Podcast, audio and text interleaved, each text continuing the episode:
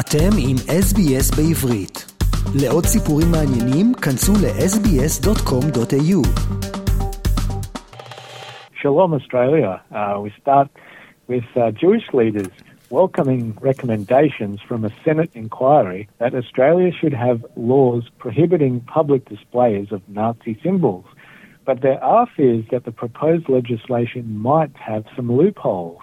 The Senate committee has recommended the federal government introduce a bill banning Nazi symbols, quote, as a matter of urgency. But it also noted that legislation alone will not be sufficient to stem the growth of nationalist and racist violent extremism. To be effective, such legislation should be accompanied by a broader suite of measures, including education and awareness raising. Ahead of its recommendations, the Senate's Legal and Constitutional Affairs Legislative Committee took evidence from Jewish community groups, as well as the Online Hate Prevention Institute and Muslim and other faith communities.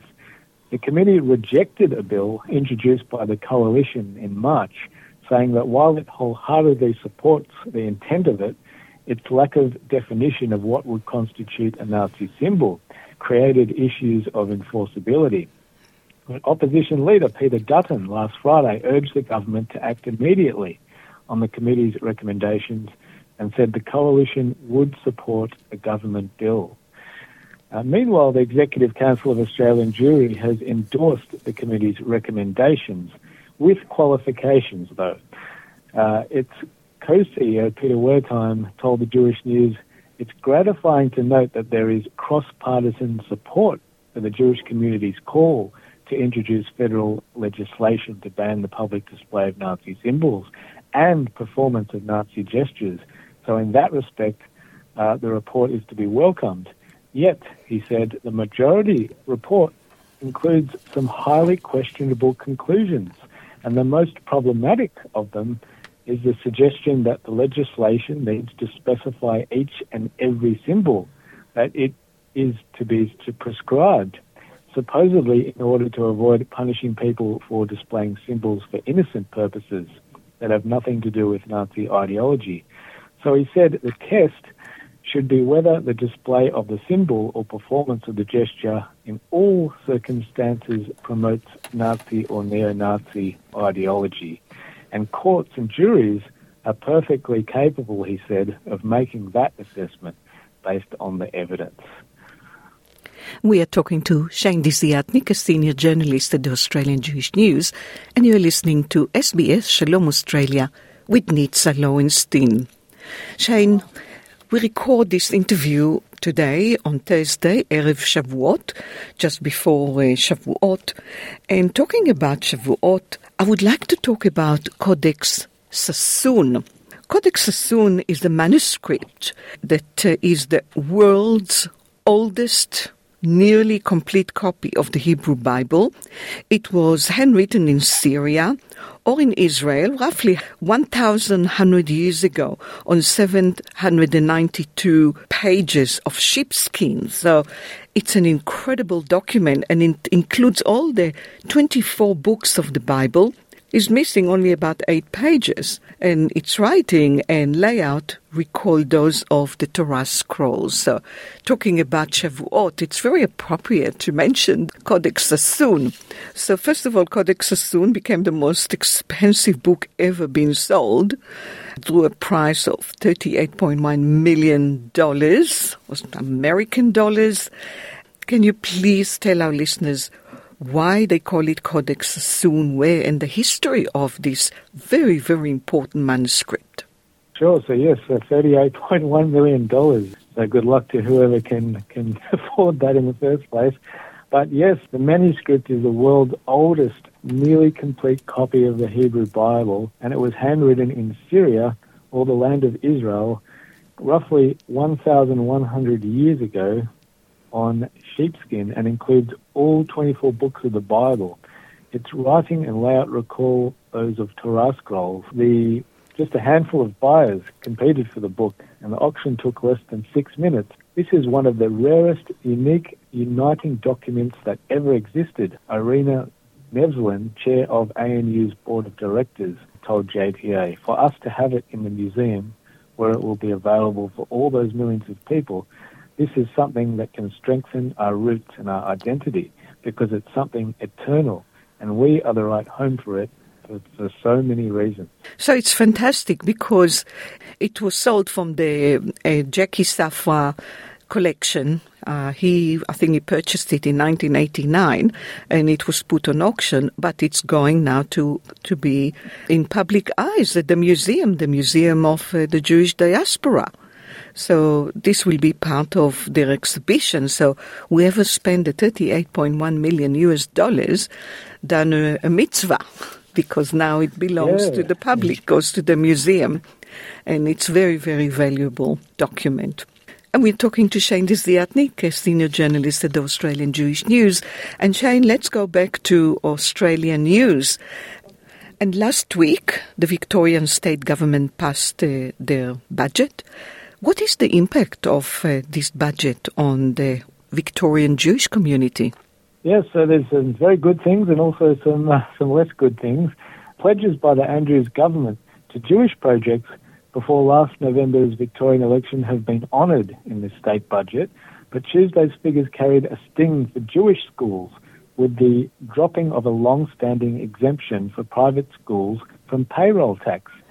This week's budget papers uh, indicate the government has funded more than $7 million in commitments for Jewish communal organisations and institutions in Victoria.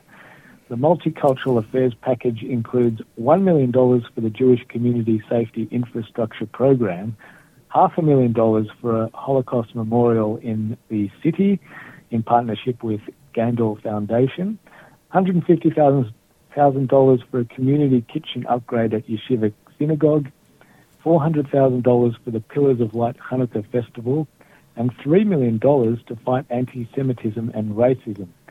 And under allocations to multicultural precincts, the budget has allocated $2 million in additional funding for the Jewish Arts Quarter project. However, in a budget setback, Jewish schools were hit hard by a decision to end the exemption for private schools from payroll tax in 2024-25 financial year. The measure was designed to help rein in spiraling debt amassed in part by efforts to combat the COVID pandemic predicting the payroll shock will inevitably increase school fees, the Bialik College President Tyson Wodak told the Jewish News on Tuesday, I worry both for the more than 20% of Bialik students whose families are part of our fee assistance program and for the many families for whom full fees are a significant burden.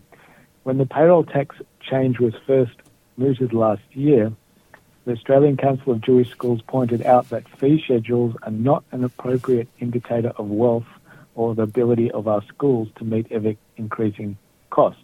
In Parliament on Tuesday night, Liberal Deputy and Caulfield MP David Southwick raised an adjournment with Education Minister Natalie Hutchins asking for an exemption for Jewish schools. So we'll have to see what uh, what happens with that. It will be interesting if they will get an exemption because it will set a precedent, and I think all the other schools will follow. So we'll see what happens. And before we go, we've got uh, changing of the guards in few organizations. The We've got uh, the CEO of the JNF is stepping down, and the CEO of the Zionist Federation Australia is stepping down. Yes, uh, Dan Springer will step down at the end of the year after more than 10 years as JNF Australia CEO. Uh, during his tenure, Springer and JNF's national board oversaw significant growth in fundraising, projects, community engagement, and educational programs and partnerships. Over the last decade, has achieved a more sustainable financial footing, enabling the implementation of over 50 key projects across the Negev and beyond. JNF Australia President Stephen Salomon said of uh, crediting uh, Dan Springer uh, for overseeing much of and contributing to that. Another highlight of Springer's service was the establishment of the Anzac Museum in Beersheba, officially opened by the Prime Ministers of Australia and Israel on the centenary of the Light Horse Charge. Now, moving over to Zionist Federation of Australia, after more than 12 years as CEO, Ginette Searle has announced that she will be stepping down from the role later this year. She's been a leader in the Australian Zionist movement for 22 years, working tirelessly to deepen the connections between Australia and the State of Israel. She said working with the ZFA and the Zionist movement in Australia is and has been a tremendous privilege for me. Uh, the organisation has appointed a recruitment firm to undertake a search for a successor. And just very, very briefly, another changing of the guard, uh, Rabbi Shua Solomon was appointed president of the Rabbinical Council of New South Wales last week, uh, making him one of the youngest rabbis to hold the prestigious post. He's the rabbi of Bondi Mizrahi Synagogue and has served on the Rabbinical Council of New South Wales as executive since uh, 2019, and he said his appointment represented a shift towards a younger demographic within the New South Wales Jewish community leadership. Shane Desiatnik, a senior journalist at the Australian Jewish News, I would like to wish you Chag Shavuot Sameach. Thank you so much and have a great week. רוצים לשמוע עוד סיפורים? האזינו דרך האפל פודקאסט, גוגל פודקאסט, ספוטיפיי, או בכל מקום אחר בו ניתן להאזין לפודקאסטים.